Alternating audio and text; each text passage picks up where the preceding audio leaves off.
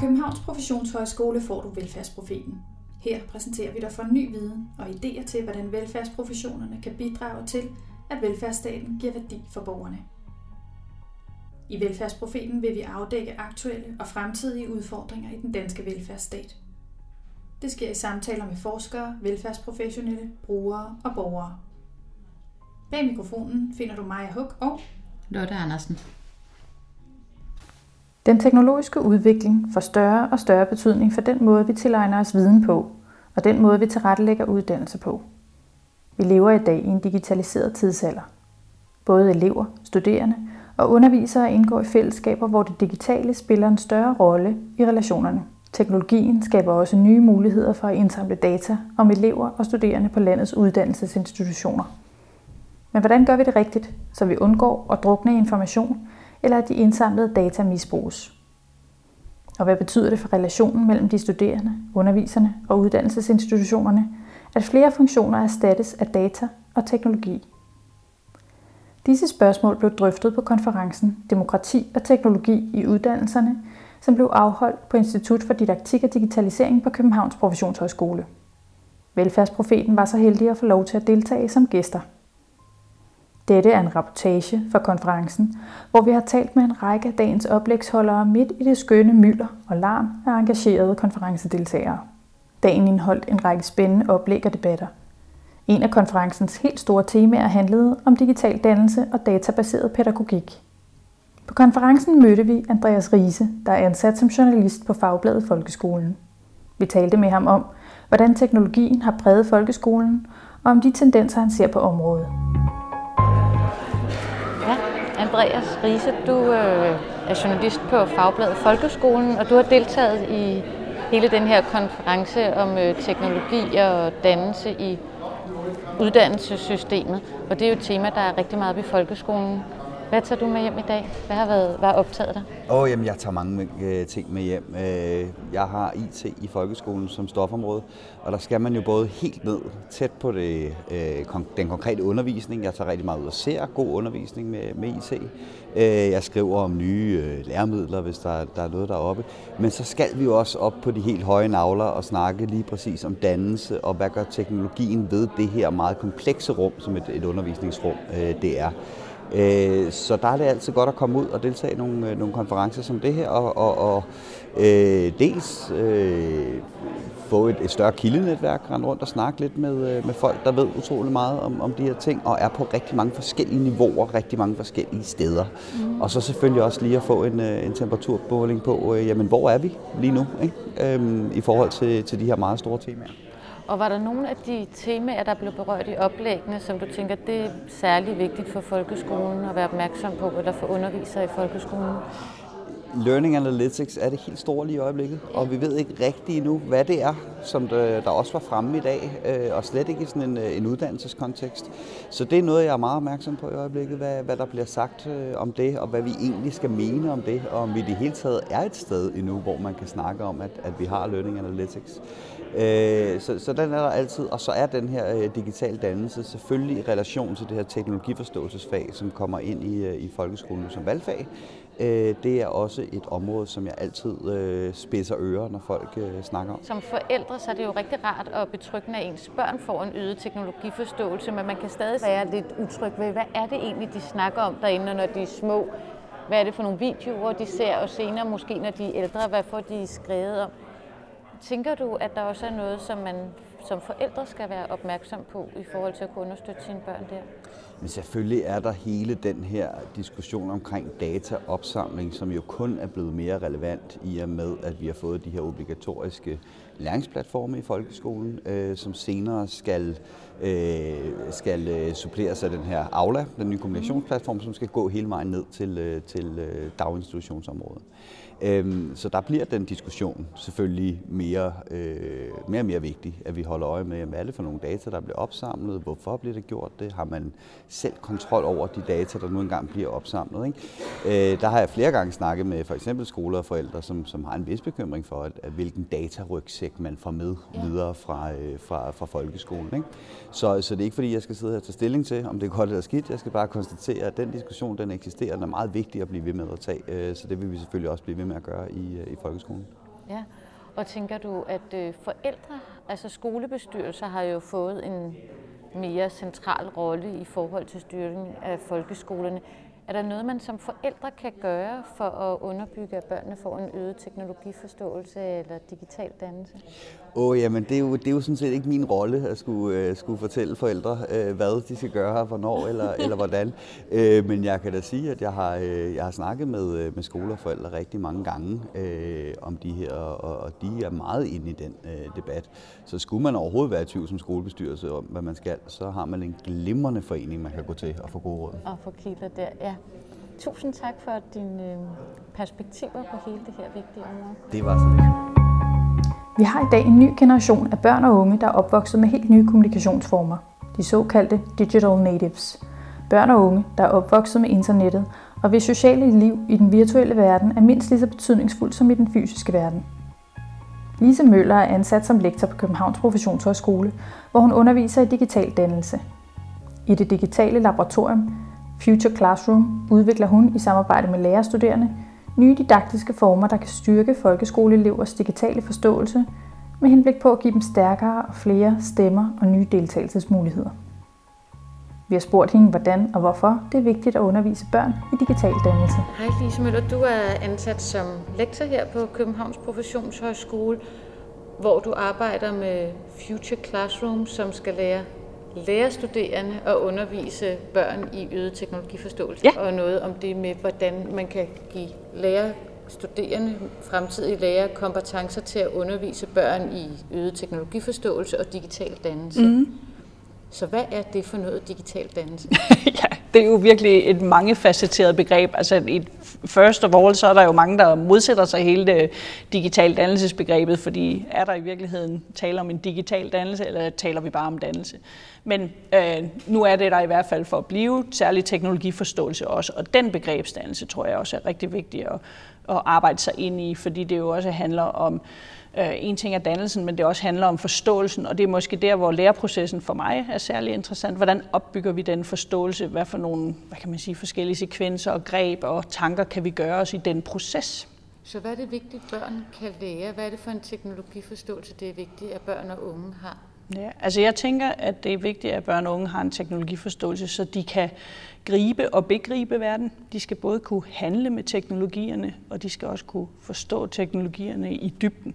Øh, men det er rigtig vigtigt, at vi ikke havner i skyttegravskrige og angstscenarier og dystotopier med, med, med, med farlige data, der spiser dem dagen lang. Altså at øh, det bliver et agerende øh, syn på øh, at kunne øh, gøre med teknologi. Altså hvis vi for eksempel tager øh, sådan noget som, som sikkerhedsindstillinger på en telefon og viden om, øh, hvad er der default-indstillinger i Snapchat? Er der for eksempel er lokationsbaserede default-indstillinger, så alle kan track hinanden, når man først er venner osv. Måske små basic greb, men i virkeligheden den empowerment, der sker i det øjeblik, at de er klar over, at der er ting, de kan vælge til og fra. Og det er jo i virkeligheden det kritiske, øh, informerede valg, øh, og det at kunne beherske det valg, som er afgørende. Og det er selvfølgelig meget nemt, når der taler om en lille skydelag i en telefon. Men hvad når du sidder over for en eller anden chatbot, når du skal handle ind i Elgiganten, øh, og du tror, det er Bettina fra Elgiganten, der skriver. Ved du så, hvad det er? Altså, og hvordan er sådan en bygget op? Og så finder du måske ud af, at Bettina er en maskine. Jamen, hvordan kan det så være, at Bettina ved så meget? Jamen, det er måske, fordi maskinen har lært noget. Hvor meget kan den lære?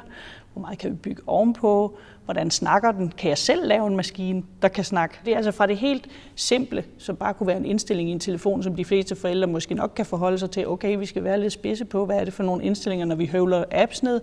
Og så til de meget mere komplekse og måske øh, persuasive, vil man kalde det, men altså medier, der ligesom går ind i vores hverdag, uden vi lægger mærke til det. Det kunne også være tracking-teknologier på idræts, altså diverse uger og ting og sager. Altså hvad er det?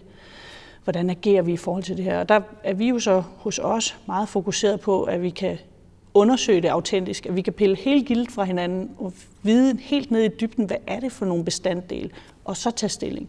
I det øjeblik, at eleverne bliver sat i en autentisk, undersøgende, åben situation, hvor du ikke tænker, at du har patent på outcomet af den hypotese, vi arbejder med, jamen så sker der noget. Så tager eleverne ejerskab til det her, og så får de rent faktisk muligheden for selv at tage stilling. Ikke fordi jeg har fortalt dem, at den her teknologi er problematisk, men fordi de faktisk selv har undersøgt sig frem til den viden. I dag taler man jo også om øh, digital dannelse og koblet, meget koblet til demokrati. Jeg blev meget optaget af det sidste, du sagde på mm. konferencen i dag, at øh, det med at lære børn om en digital eller teknologiforståelse, mm. det er også en måde at give dem en stemme på. Hvad ja. mener du med det? Hvordan får børn en stemme ved at have øget teknologiforståelse?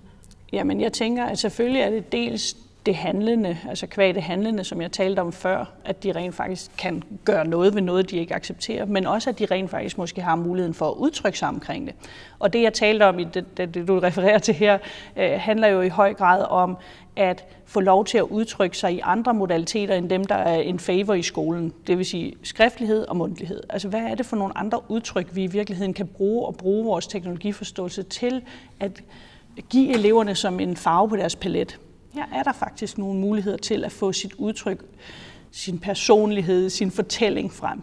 Og det er måske også, fordi jeg grundlæggende bare er en gammel dansk lærer, fuld af rav, som jeg synes, at, at, at det er sindssygt vigtigt. Og man kan sige, at det er selvfølgelig sådan lidt personligt dannelses, identitetsmæssigt, jeg taler om det at have en stemme nu. Men den styrke, man får ved at have en stemme i den kontekst, er jo noget af det, der kan lede til, at man så i sidste ende blander sig i den store diskurs, ikke? i magtens diskurs, eller øh, og måske bliver bevidst omkring, at, at de her kommunikationsformer øh, kan bruges effektivt i de situationer. Jeg tror også, at det er, det er virkelig, virkelig vigtigt, at vi bliver skarpe på hele tiden at bringe eleverne selv i spil, og den viden, de har, for vi skal være opmærksom på, at de har stærke out-of-school literacy, som man vil kalde det i mit fag, altså det, det, de laver i deres fritid Altså, mange af dem har jo YouTube-kanaler, og de producerer, de er i gang, de har det sprog, men de ser ikke potentiale i det, fordi de ikke har nogen metarefleksioner over det. Så det ligger der allerede, der er guld på gaden. Så vi skal jo bare ud og, og uden at omfavne det og besmudle det, men i hvert fald prøve at løfte nogle af de potentialer og det metablik øh, ind i skolen. Tusind tak. Det er et super spændende perspektiv, synes jeg, både som mor og underviser og samfundsborger. Teknologien skaber nye muligheder for at indsamle data om elever og studerende på landets uddannelsesinstitutioner. Vi talte med professor Thomas Ryberg fra Aalborg Universitet om muligheder og risici koblet til teknologiens udvikling på undervisningsområdet. I interviewet taler vi med ham om, hvordan teknologi både kan understøtte læring, men også om, hvordan det kan fastfryse og forstærke en forsimplet forståelse af læring, hvor fokus alene rettes mod den læring, der kan måles. Thomas Ryberg er blandt andet optaget af, hvordan man sikrer, at de teknologiske muligheder anvendes på en måde, som både støtter den enkelte elev, underviseren og politisk administrativ mål for læring.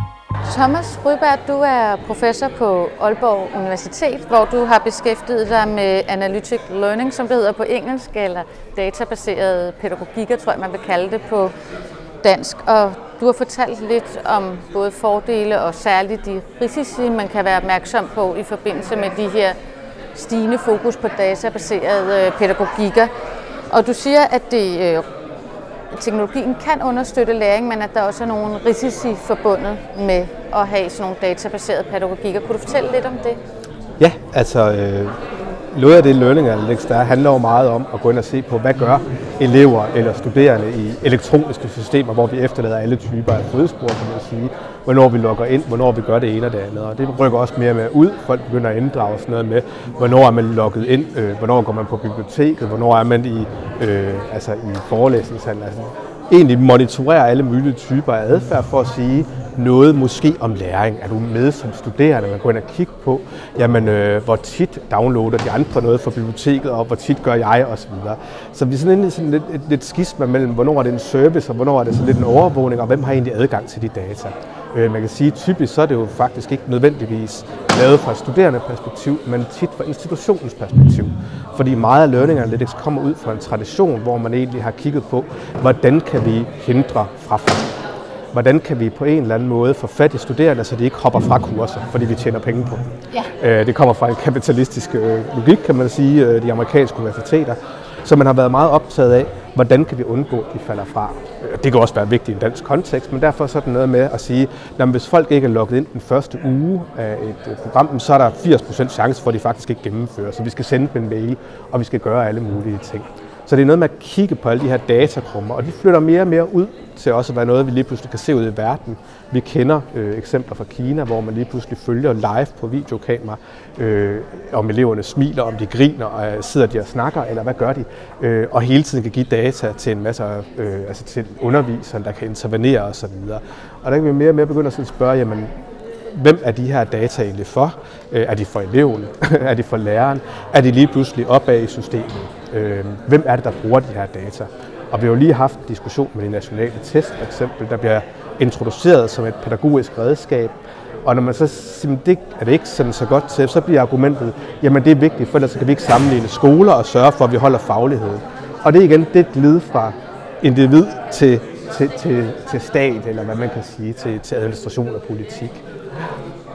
Og du øh, talte også om det med, at det gør faktisk også noget ved vores øh, selvforståelse og vores forståelse af læring, både som underviser og som elev, studerende. Kunne du sige lidt mere om det med, hvordan det også påvirker vores egen selvforståelse? Ja, altså øh, det, det kan være sådan for det meget basale, kan man sige. Øh, det har man diskuteret meget, det her begreb, der hedder teaching to the test, også i forbindelse med for eksempel nationale test at det lige pludselig bliver vigtigt, at man kan huske sådan noget som ordsprog, tror jeg det er. Øh, tomme, tønder, buller, mest. Så det er sådan noget, man begynder at træne i skolen og at dele ord. Øh, så skal man have sådan lang, øh, og så skal man kunne nogle forskellige ord. Og det er klart, så begynder man lige pludselig at synes, det er vigtigt at kunne det her. Hvor man måske tænker først, øh, hvorfor skal vi dog kunne det? Hvad, hvor vil vi hen med det? Øhm, så, så det er sådan den, den første form for det, hvor vi begynder at indrette undervisning og os selv, og hvad der, hvad der er god viden efter, hvad de her systemer i virkeligheden tester. Øh, og de begynder at blive mere avancerede, kan man sige, og nogle de tager sådan nogle psykosociale metrikker ind. Øh, der er nogen, der er begyndt at arbejde med læringsstile, kan man tage, øh, eller øh, idéer om grit, tror jeg det hedder, og folk skal opbygge resiliens og have sådan seks forskellige typer af kompetencer. Det lyder mægtigt blødt øh, på en eller anden måde, men så begynder at sådan sætte det ind i et system, hvor det skal måle, hvordan er min grit, hvordan er min kreativitet, hvordan er min resiliens. Altså, hvad betyder det for, hvordan jeg agerer som elev, og man lige pludselig skal til at beskrive sig selv i sådan nogle termer, og skal tænke sig selv i sådan nogle termer. Altså, det, det, det gør noget ved det, at være elev. Øh, det kan man sige, det gør uddannelse, for man skal også lære at tænke sig selv i forhold til alt muligt. Men, men, men når vi så også putter det ind, og det bliver så fastfrosset, som teknologien nogle gange kan gøre det. Øh, der får vi virkelig bygget ind i sådan nogle, nogle arkitekturer, der sidder fast på en eller anden måde. Og så talte du også om det her med, at vi var gået fra et dannelsesprojekt, måske bevæger os over i mere sådan et dataprojekt. Hvad, hvordan ser du det, og hvilken betydning har det for undervisningssituationen, tænker du? Ja, altså det er lidt i forlængelse af for eksempel den her teaching to the test, at man bliver enormt op, altså opfyldt af som lærer at skulle opfylde de punkter, der er blevet opsat. Øhm, og når man så begynder at putte det ind i nogle systemer og skal måle det, så, så er det, at man går fra sådan en... Øh, altså så går man til det, man kan kalde en, ja, en fastfrysning af det. Af noget, der egentlig er ret svært at gribe, altså en kompetence er svært at gribe, øh, til at det lige pludselig bliver noget, der, der skal kunne måles meget præcist. Og så er det der, så går vi jo måske lidt fra, fra et dannelsesprojekt, hvor eleven skal blive til noget, udvikle sig til noget, til sådan en mere en målopfyldelse, og man skal være der, fordi vi har hele det her system, hvor vi måler på, og vi har læringsmål inde, og vi har kompetencer inde, og det skal du ligesom være med i. Man kan ikke skrive sig ud af det system på en eller anden måde. Så der er ligesom to grundproblemer, øh, som du ser det. Det ene er det med, at øh, man går på at undervise, så børnene kan klare sig godt i test, fordi man også godt vil klare sig godt som øh, underviser eller lærer. Ja, eller skole, ja. Som skole. Og det andet er, at noget, som var mere øh, ikke målbare eller mere øh, bløde værdier, pludselig bliver omsat til hårde, dokumenterbare værdier, som også Ja, det, det, det, det tænker man i hvert fald, man kan gøre. Øh, og nu, nu nævnte jeg jo, nu, det er jo svært at få det hele med her på. Men altså, man begynder at måle, altså man har jo kropsmålinger, og man kan se humør, og man kan måle mange ting øh, i virkeligheden, og, og sætte det ind i verden.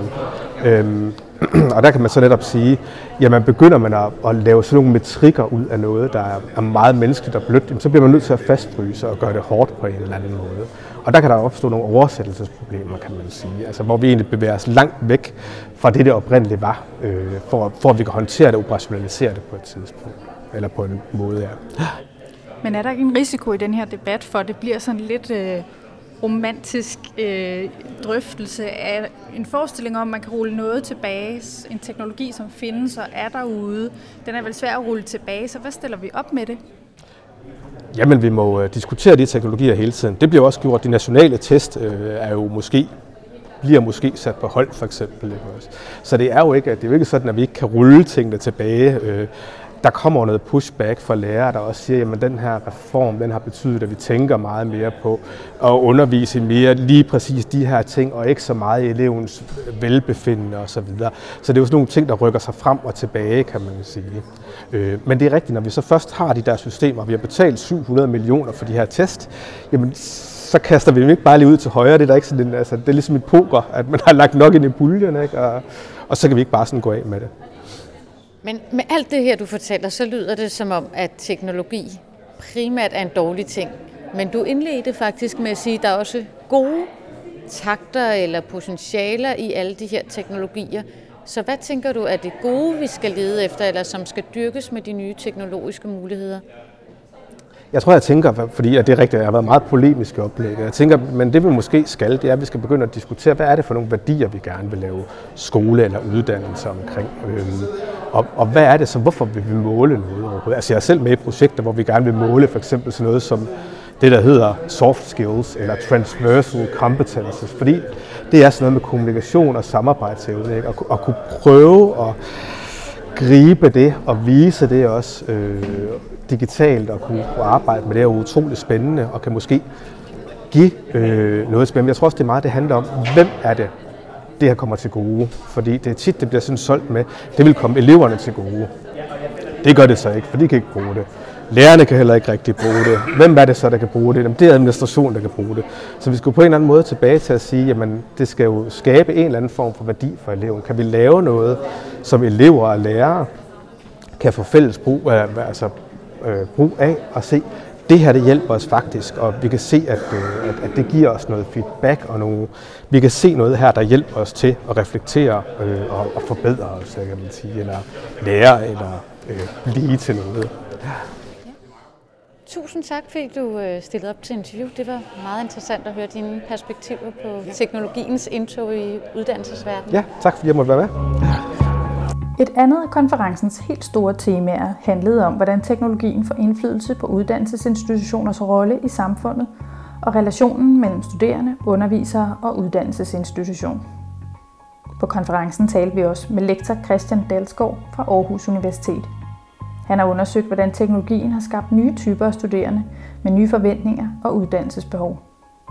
Den generelle samfundsudvikling stiller krav om livslang læring, og det har skabt en stigende gruppe af voksne, som har forskelligartede ønsker og motivation for at deltage i undervisningsforløb. Nogle søger uddannelse for at opnå øget viden inden for et specifikt fagområde, eller om hvad der rører sig på deres felt, mens andre ønsker at udvide deres faglige netværk. De er ikke nødvendigvis optaget af diplomer eller eksamensbeviser, men i højere grad af omsætning til praksis.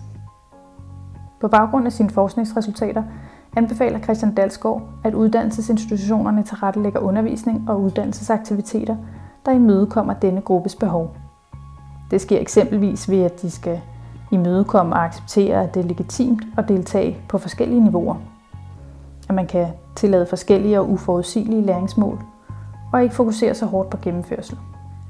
Rikke Toft Nørgaard fra Aarhus Universitet er også optaget af, hvordan teknologien åbner nye muligheder og forventninger til de eksisterende uddannelsesinstitutioner. Hun anbefaler, at uddannelsesinstitutioner åbner sig på en anden måde for omverdenen. Vi fik et interview med Rikke, hvor hun fortæller om sine refleksioner over fremtidens uddannelsesinstitutioner og de muligheder, der er koblet til teknologiudviklingen. Vi har fået fat i Rikke Toft Nørgaard, som er ansat på Aarhus Universitet. Tak for det, Rikke. Du har jo øh, argumenteret for, at øh, uddannelsesinstitutioner skal fungere som en form for moderne forsamlingshus. Hvad mener du med det? At have et forsamlingshus er en, er en ramme, hvor, vil sige, hvor tingene ikke er sat på forhånd. Det vil sige, at der kan foregå træskodans, der kan foregå fællesspisning, der kan foregå en knallerklub. Og hvis vi tænker uddannelsesinstitution på den måde, så er det også, at vi på forhånd ikke allerede ved, hvad det er, vi vil have. At der er en åbning for, at vi finder ud af det sammen. Så det er den ene ting. Og den anden ting, det er at ture og tænke på vores uddannelsesinstitutioner som fælles eje. som noget, vi ejer sammen. Og det kræver igen det der med at åbne op. Øh, jeg var ude og snakke med DTU på et tidspunkt om, om man måtte øh, lave bål på deres græsplæner, og om man øh, måtte sove i telte på græsplænen, og måtte man gerne sætte en festival op, hvis man havde lyst, og måtte man begynde at lave mad på parkeringspladserne. Altså hvis man fik lyst til det, fordi det ville jo være fælles eje. Og det synes jeg lød super spændende, men også en lille smule øh, farligt. Så øh, uddannelsesinstitutionen som, uddannelsesinstitutionen som forsamlingshus er også noget, altså hvis man tager det alvorligt, og ikke bare, ej, det er en smuk drøm, og den vil jeg også gerne bruge det ord. Hvis man tager det alvorligt, så er det super farligt for dem, der har magten lige nu. Ja, og du taler om på den ene side, at det skal åbnes, og det skal være et fælleseje, at vi skal være med til at definere, hvad uddannelsesinstitutionerne skal. Men du taler også om, at der også er øh, en udfordring i, at det bliver stillet helt frit. Du talte noget om en ånd. Ja, altså der, der kunne man måske tage billedet, måske ikke fra forsamlingshuset, men så fra festivalen, en anden ting med F. Øh, og der kan man tænke på de festivaler, der er i Danmark, især dem, der fungerer rigtig godt. De er enormt forskellige. Det er alle sammen festivaler. Der er alle sammen musik, der kommer alle steder folk. Øh, og nogle folk tager også på dem alle sammen. Men de er noget helt særligt. Festivalen er noget særligt. Folkene bliver til noget særligt ved at være der. Så vi skal ture tænke en uddannelsesinstitution, der tør at være noget særligt, og tør at lade folk blive til noget særligt. I dag der har vi jo også talt om øh, koblingen til uddannelse og teknologi. Hvordan tænker du, at teknologi kan understøtte den her åbne forsamlingshus slash øh? Altså jeg tænker i hvert fald, at vi er i gang med at implementere det, der hedder Educational IT, som jeg jo også arbejder med og forsker i, på en måde, der er meget lidt forsamlingshusagtigt ja. og meget lidt festivalagtigt. Altså i hvert fald, hvis vi tænker på systemerne. Øhm, så handler det i højere grad om at være i kontrol og om at overholde reglerne og om at gøre, hvad der bliver sagt, også som underviser, og om, at evalueringsspørgsmålet ligger fast, osv. osv. osv. Øhm, og der, der, er nok, der er nok brug for en, en eller anden form for modbevægelse. Ikke at jeg har svaret på det, men den teknologitænkning, der forsøger at være forståelig, øh, og forsøger at gøre uddannelse forståelig, øh, og sikre kvaliteten og sådan nogle ting, den bliver aldrig til en festival eller et forsamlingshus. Der bliver vi simpelthen nødt til at give slip og, og lege, med, lege med tingene. Altså lege med tingene igen på den her lidt farlige måde. Det vil sige lege på kanten af, hvad der er lovligt. Øhm, eller lege på kanten af, hvad der er muligt. Eller lege på kanten af, hvad vi synes, der er i orden. Og det er også der, etikken kommer ind. Også når det kommer til teknologien. For det kræver, at vi passer på hinanden. Og som underviser også turde udholde det, når, når det er enormt frustrerende. Altså turde rumme de studerende også som mennesker. Fordi forsamlingshuset er også, og festivalen er også, hvor vi bliver mennesker. Og det er enormt besværligt og irriterende med mennesker. Det er meget lettere med studerende. Nu har vi talt om det i forhold til universiteter og professionshøjskoler, altså uddannelsesinstitutioner for voksne. Tænker du, at den her forsamlingshus-analogi kan overføres til folkeskolen? Kunne for eksempel teknologi eller andet understøtte, at folkeskolen også kunne fungere mere som et lokalt forsamlingshus? Altså jeg tænker jo, at folkeskolen langt hen ad vejen har fungeret som et forsamlingshus. Også næsten sådan helt fysisk, vil jeg sige. Altså hvis der ikke var et forsamlingshus, så var det skolen, der var forsamlingshuset. Øh, jeg voksede op på landet, så det, der var det også sådan et samlingssted, og det var der, man mødtes efter skole. Det var der, man lærte at drikke øl øh, på legepladsen og sådan noget. Men, men der har været, der har været et, et, øh, et, et pres over de sidste par år til at fjerne det der folkeskolehed øh, fra folkeskolen, eller fjerne forsamlingshus, elementet fra folkeskolen, og ensrette den. tror, du sagde, hvad er forskellen mellem at, at snakke om det her på, på de videregående uddannelser og så i folkeskolen? Og jeg har, jeg har kørt Coding Paris og alle mulige undervisningsforløb i folkeskolen. Og for mig at se, er der faktisk ikke nogen forskel.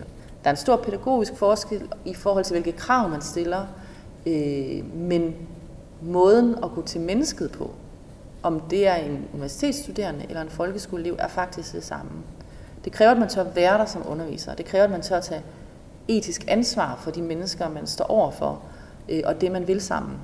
Men, men jeg har bygget, øh, jeg har programmeret computerspil for venskab med øh, folkeskoleelever, og jeg har gjort det med universitetsstuderende. Jeg har lavet øh, øh, robotballet med øh, børn i børnehaven og med universitetsstuderende. Det kræver det, at der er forskellige der er forskellige vidensgrundlag, og der er forskellige vidensformer, der træder ud af det. Men måden at tænke over teknologien sammen er faktisk ret ens.